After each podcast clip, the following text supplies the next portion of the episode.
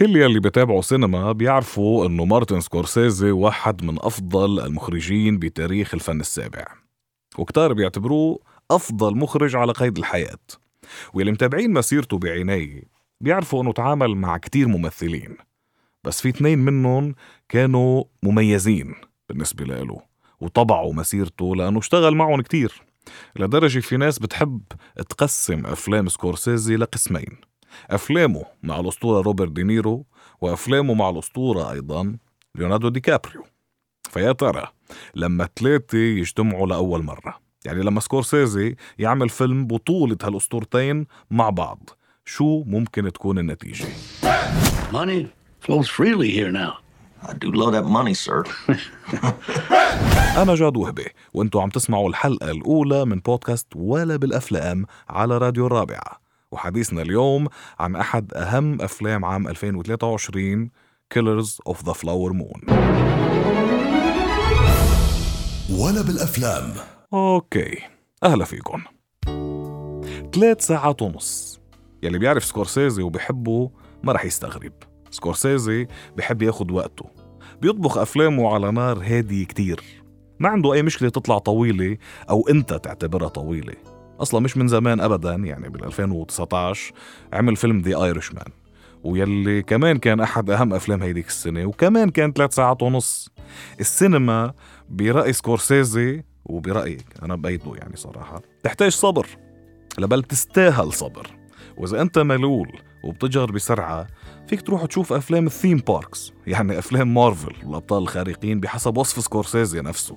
كرمال هيك لما يكون بدك تشوف فيلم لسكورسيزي مفروض تكون فاضي تماما متفرغ للتجربة. ما وراك شي ومش ضايق خلقك وتحضر حالك نفسيا انه قدامك رحلة وحتى تستمتع بهيدي الرحلة هي بحاجة لهدوء وصبر وتركيز على أدق التفاصيل. ليش؟ لأنه شغل هالمخرج عظمته بتفاصيله. يلي إذا فاتتك رح تفوتك المتعة رح يفوتك الفيلم كله ورح تطلع منه عم تقول ممل زهقت. هيدا إذا كملته أصلا للآخر. كرمال هيك فضي حالك شيل تليفونك من إيدك واستمتع بس أكيد ما تشيل تليفونك هلأ من إيدك هلأ لأ هلأ خليك عم تسمعنا وما تخاف رح نحكي عن الفيلم بدون حرق يعني ما رح نحرق عليك الفيلم The Osage. They have the worst land possible. But they outsmarted everybody. The land had oil on it. Black gold. مثل ما قلنا بفيلم Killers of the Flower Moon جمع سكورسيزي على ما يبدو انه الممثلين المفضلين روبرت دينيرو وليوناردو دي كابريو جمعهم سوا بفيلم واحد بيحكي قصة مهمة لدرجة أنا استغربت كيف ما حدا قبل حكاها يعني يعني كيف لهلأ ما انحكت. ومن دون ما أحرق عليكم شيء بالفيلم أنتوا ببساطة بهيدي القصة رح تتعرفوا على القصة الحقيقية لشعب الأوسيج وهي قبيلة من قبائل السكان الأصليين للولايات المتحدة الأمريكية واللي جردوا من أرضهم. ومنحوا أرض نائية قاحلة تكاد لا تصلح لأي شيء على الإطلاق يعني. يعني بالعربي المشبرح الرجل الأبيض بين مزدوجين بوقتها قال لهم روحوا خذوا هالأراضي دبروا حالكم فيها شو شو بدكم تعملوا؟ وخلص هيدي هيدي اللي بتطلع لكم يعني. ولكن ولسخرية القدر يلي بيقدر يكون مدهش جدا بكتير من الأحيان هالأرض تحديدا يلي منحوها للأوسيج طلع فيها كمية هائلة من النفط ثروة لا يمكن تخيلها لدرجة بزمن معين صارت قبيلة الأوسيج هي الأغنى على الكوكب بمعدل يعني بالنسبة لمعدل دخل الفرد الواحد منا فالرجل الأبيض أو الأوروبي القادم إلى أمريكا شو بيعمل بيسكت؟ أكيد لا. فشو يلي عمله؟ وكيف رح يتصرف حتى يسيطر أو يستفيد من هذه الثروة؟ هيدا يلي رح يحكي لكم إياه الفيلم عبر سرد قصة يعني قصة سلسلة من الجرائم يلي رح تطال أفراد من شعب الاوسيج وأنا still ما عم بحرق عليكم شيء هذا كله بتشوفوه بال- بال trailers تبع الفيلم يعني أو إذا بتقروا ال- ال- ال- ال plot الأساسية أو ال- ال- ال- الخطوط الرئيسية للفيلم okay؟ ففي سلسلة جرائم رح تطال أفراد من شعب الاوسيج بنمط متكرر ولفتره زمنية مش قصيرة. فيا ترى مين ورا هالجرائم؟ وكيف وليش عم بتصير؟ بالحقيقة ما رح خبركم الجواب. مع أني شخصيا ما بعتبر الجواب حرق للفيلم لأنه الفيلم نفسه مش هدفه يخليك تتحذر مين المجرم أو تجرب تفكر لتحل اللغز. الفيلم نفسه أصلا ما بيتأخر أبدا ليعطيك الجواب وكأنه بشكل واضح عم يخبرك من الأول أنه أنا مش جاي يسليك ولا جاي أعطيك قصة غموض وتشويق وتحقيقات. أنا من الآخر جاي أخبرك قصة إنسانية حقيقية بكل تفاصيلها المؤلمة والمفجعة لتعرف عن جد شو صار بدون ما تقعد تلتهي بمين القاتل. الفيلم مهتم يخبرك عن جشع ووحشية الإنسان لوين ممكن توصل ومش مهتم أبدا يعطيك جرعات تشويق. وكل هالشي مبني على المنظور يلي سكورسيزي اختار يحكي الفيلم منه. وحطوا لي شي 5000 خط تحت كلمة منظور لأنه حنحكي عنها كتير. ويا صديقي إذا أنت فعلا بتحب السينما يا ريت هون تركز معي شوي. المفروض تكون مركز من الأول يعني بس إنه ما علينا بالسرد أي سرد سرد السينمائي القصصي الروائي إلى آخره. يعني بأي حكاية من الآخر. المنظور هو الأساس لأنه هو يلي بيحدد وجهة النظر يلي العمل عم ينطلق منها. هو يلي بيحدد مين عم يخبرنا القصة وبالتالي بيحدد ليش عم يخبرنا القصة. شو الهدف؟ وبهالفيلم في جرائم. مثل ما خبرتكم. بالتالي في تحقيقات. بالتالي في مجرم وضحايا ومحقق. بهيك حكاية إذا الفيلم هدفه التشويق والغموض رح يختار يحكي القصة من منظور المحقق. يلي موجود بهالفيلم طبعا وبيوصل ما عارف شي وببلش تحقيقه. بالتالي لو الفيلم راح لهالخيار كنا رح نمشي مع المحقق نحن كمان ما عارفين شي. يعني نبلش نجمع معه الخيوط ونكشف الألغاز نجرب نحل الألغاز معه حتى نوصل بالآخر للحل ونعرف مين المجرم مثل ما بيصير بأفلام الجريمة والغموض والتحقيقات إلى آخره. بهالحالة لو راح الفيلم لهالخيار كان رح يكون مشوق أكثر ويخليك على أعصابك أكثر وبالتالي رح يكون مسلي أكثر وبيبيع أكثر لأنه عادة المشوق المسلي بيبيع أكثر بس هالفيلم بكل بساطة راح للخيار اللي هو بده إياه. من الأول بيقول لك مش جاي يسليك بدك تتسلى روح العب طاولة مثلا. مثلا اقعد مع الشباب على القهوة. آه، أي شيء. بس هالفيلم جاي يغنيك. جاي يضيف شيء لإنسانيتك لدماغك لإحساسك. كرمال هيك أنا اخترت يكون أول فيلم بحكي عنه ببودكاست ولا بالأفلام لأنه هون رح نجرب ما نحكي عن أفلام عادية. خصوصي إذا بدنا نمدح في الأفلام. يعني رح نحكي عن أفلام عادية أو آه، أقل من المستوى المطلوب لما يكون عبالنا هيك نفش خلقنا يعني. نفش خلقنا وننتقدها يعني. بس إنه آه، هون رح نجرب ال masterpieces نحكي عنهم هيك من زوايا مختلفة. وهيدي السينما يلي بحبها أنا. مع كل احترام للتسلية والترفيه يلي هن شيء طبعا مهم. وأساسي بكل عمل فني إبداعي بتبقى الإضافة الإنسانية والبعد الفكري هن الأهم. كرمال هيك العمل الفني يلي ما بيغير فيك شيء يلي ما بيخليك تفكر أكتر يلي ما بتطلع منه إنسان مختلف ولو شوي هو عمل برأيي لا يستحق أن يوصف بأنه فني أو إبداعي. في يكون عمل ترفيهي عمل ترفيهي وبس ومش غلط على فكرة. كتير مهم يكون في عمل ترفيهي وبس نحن بحاجة آه، للترفيه. بس الفن الإبداع يعني أنا برأيي يشط... يعني يفترض أنه يكون لهم بعد أكبر من مجرد الترفيه مع المحافظة على الترفيه. بناء على كل يلي قلناه قرر سكورسيزي بالنتيجة قرار أنا شخصيا بعتبره قرار نبيل. كمان هون حطوا لي شي 3000 خط تحت كلمة نبيل لأنه آه رح نحكي ليش أنا عم بقول إنه نبيل. قرار أخلاقي عظيم قبل ما يكون قرار فني عظيم. يعني قرر يحكي حكايته من منظور المجرم نفسه. أو المجرمين أنفسهم يعني. بالتالي أنت من الأول تقريبا عارف مين المجرم. ليش هالقرار نبيل؟ لأنه حول الفيلم من فيلم تشويق وإثارة وغموض إلى فيلم شبه توثيقي لمأساة إنسانية بتفاصيلها وألمها وأبعادها من دون ما ينسى دراما. يعني ضحى بالتسلية وبالتالي بالبيع أكثر في سبيل حكاية القصة من الزاوية الإنسانية. يعني سكورسيزي بهيدا القرار رفض يتاجر بقصة شعب الأوسيج إذا صح التعبير. قدمها بفروسية ونبل الإنسان يلي همه يخبرك القصة مش يسليك فيها. همه توصلك المأساة بدون ما تتسلى على المأساة. ومش فارقة معه إذا اعتبرت الفيلم ممل أو طويل أو بطيء. لأن وحدهم يلي رح توصلهم الفكرة ورح يوصلهم الإحساس هن اللي حيكملوا للآخر وهول هن تحديدا يلي بيهموا لسكورسيزي. أنا أدعي ذلك على الأقل. بس بيبقى السؤال هون هل كان الفيلم ممكن يعمل نفس التأثير ويكون وقته أقصر شوي؟ برأيي لا.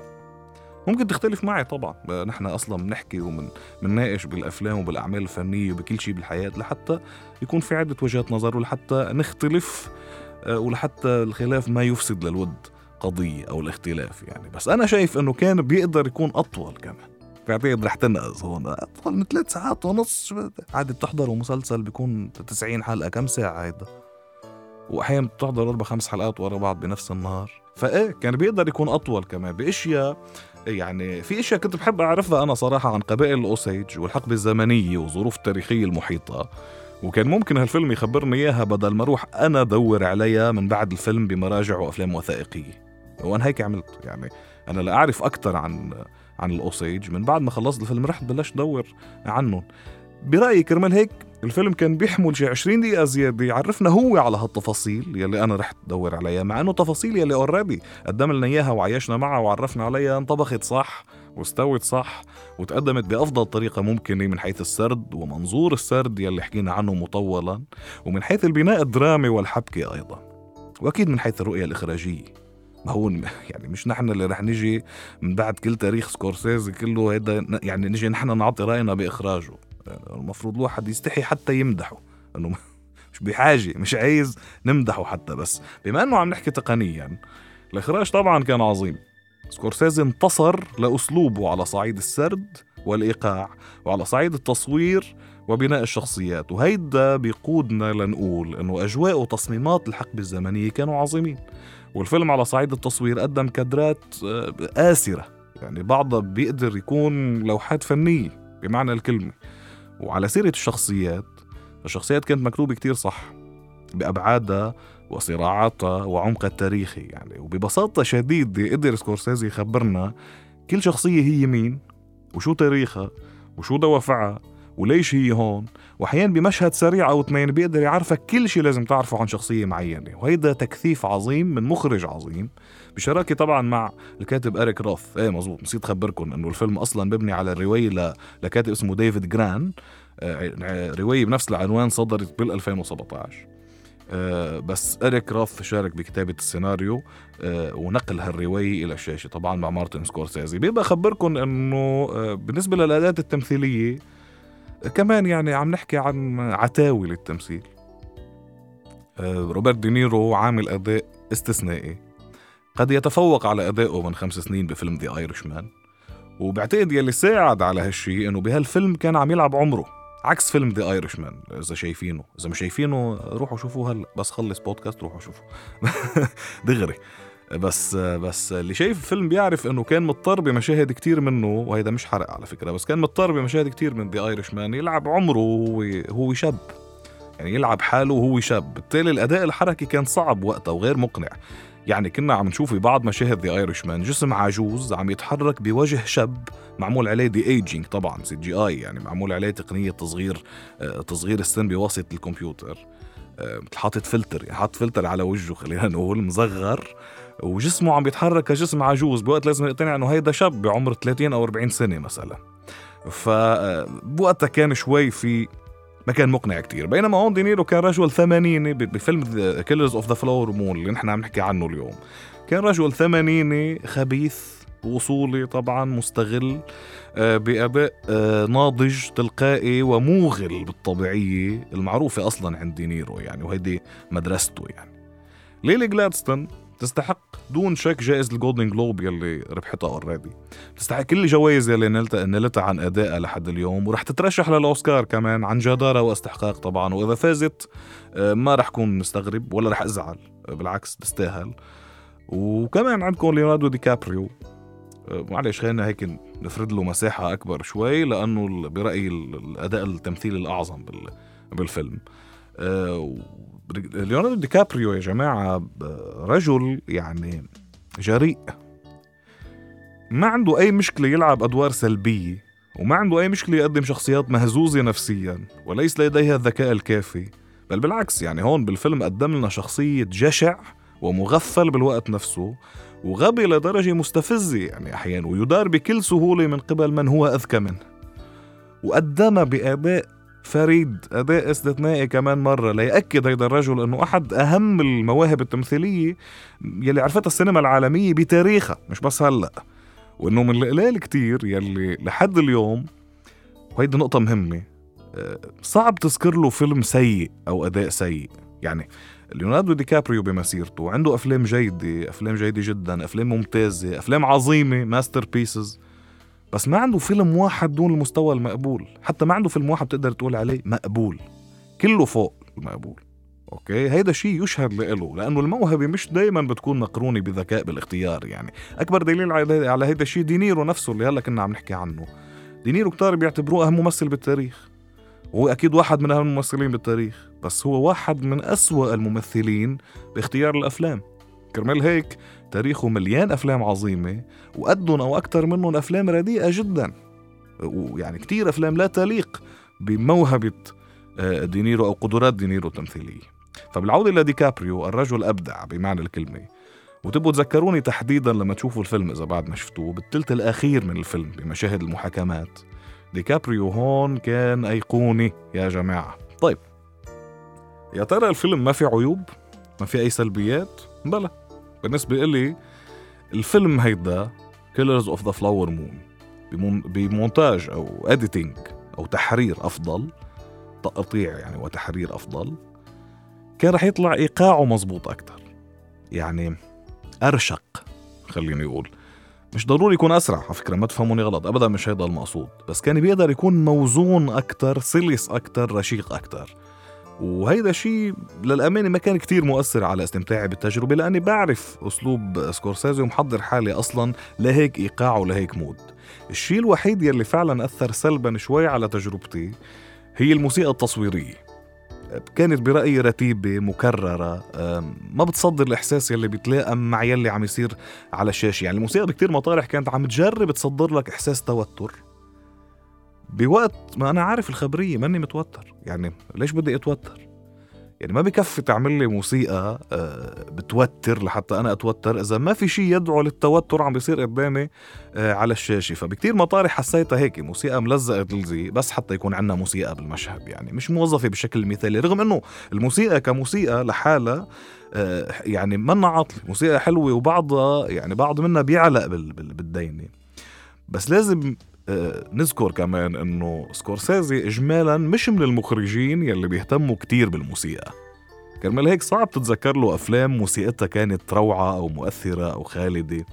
ما بعرف راسلوني خبروني اذا إذا إذا بتتذكروا هيك يعني موسيقى بفيلم لسكورسيزي كانت أوف كتير طاغية أو مؤثرة أو هلا يمكن أنا رايح عن بالي يمكن طايرة عن بالي بس اجمالا لا ما انه المخرجين اللي كتير بيهتموا بقصة الموسيقى عكس يعني أمثلة كتير تانية أو شراكات كتير تانية عكس مثلا شراكة كريستوفر نولان العظيمة مع مع هانز زمر الموسيقى الرائعة أيضا يعني وفي كتير أمثلة تانية يعني.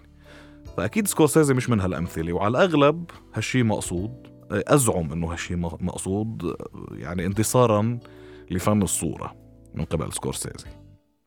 بالنهاية كنت محتار إذا بهالبودكاست رح أعطي تقييمات بالأرقام للأعمال اللي رح أحكي عنها. لأنه فعليا شو المعيار؟ يعني كيف الواحد بيقدر يعطي علامة محددة للعمل الإبداعي؟ برأيي صعبة. بالاخر بترجع لذوقه وإحساس كل حدا فينا ومدى استمتاعه بالتجربة وقديش أثرت عليه وشو قديش غيرت فيه. أه ومحاولة هيك وضع السلبيات والإيجابيات بميزان لحتى نشوف أي كفة بتطبش وقديش بتطبش. بس بذات بذات الوقت التقييم لنكون صريحين مع بعض. أول شيء صديق أنت بتحب التقييمات. ما ما نضحك على بعض. بتحبهم قل أنك بتحب أنا بحبهم كمان. والتقييم بيعطي انطباع واضح للمتلقي. قديش حبينا العمل أو ما حبيناه؟ المتلقي اللي هو انت صديقي. ما هيك؟ انت يلي بتحب التقييمات بيعطيك انطباع إذا حبينا أو لا. كرمال هيك مع إنه اللي حكيته أكيد بيوضح قديش حبيت الفيلم. بس بهالبودكاست رح يكون في تقييمات بس مش على طول. وفيلم Killers of the Flower Moon أنا بعطيه 9 على 10 strong 9 يعني. الفيلم ماستر آه، piece تحفة فنية إنسانية تستحق المشاهدة والإشادة والتصفيق. وعلى فكرة بنهاية وحدة من من الندوات حول الفيلم أو يمكن ب premiere من ال premieres أو ما بعرف آه، بس الفيديو انتشر على على ال social media يعني آه، ستيفن سبيلبرغ واحد كمان من أهم المخرجين بتاريخ السينما ومن أهم مخرجي هذا الزمن آه، ستيفن سبيلبرغ قال له لمارتن سكورسيزي بنهاية الندوة أو بنهاية الجلسة You are the master of our medium and this is your masterpiece, Marty. Thank you. Thank you. Whoa.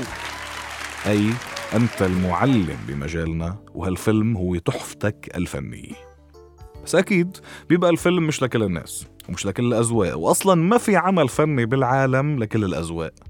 هيدا كان رأيي والأهم آرائكم أنتم فيكم تتابعونا وتشاركونا فيها على صفحاتنا على ال social media at الرابعة FM A L R A B I A F M وفيكم تلاقوني أنا كمان على صفحاتي الشخصية على جاد دوت اتش دوت وهبي هالبودكاست يلي سمعتوا أول حلقة منه رح يحكي عن كل شيء له علاقة بالسينما والدراما يعني أفلام ومسلسلات وكل ما لف لفيفها. أحيان مراجعات أحيان ترشيحات أحيان قوائم أحيان معلومات وأخبار وكواليس وأشياء ممكن ما كنتوا تعرفوها. كل شيء بيدور بهالعالم.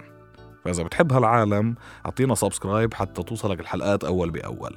وإذا ما بتحب هالعالم كمان أعطينا subscribe لحتى نجرب نخليك تصير تحبه مثلا. وانطرونا بحلقات جديدة. مبدئيا حلقة كل أسبوع. كان معكم جاد وهبي وكنتوا عم تسمعوا على راديو الرابعة بودكاست ولا بالأفلام. ولا بالأفلام. بودكاست ولا بالأفلام على راديو الرابعة.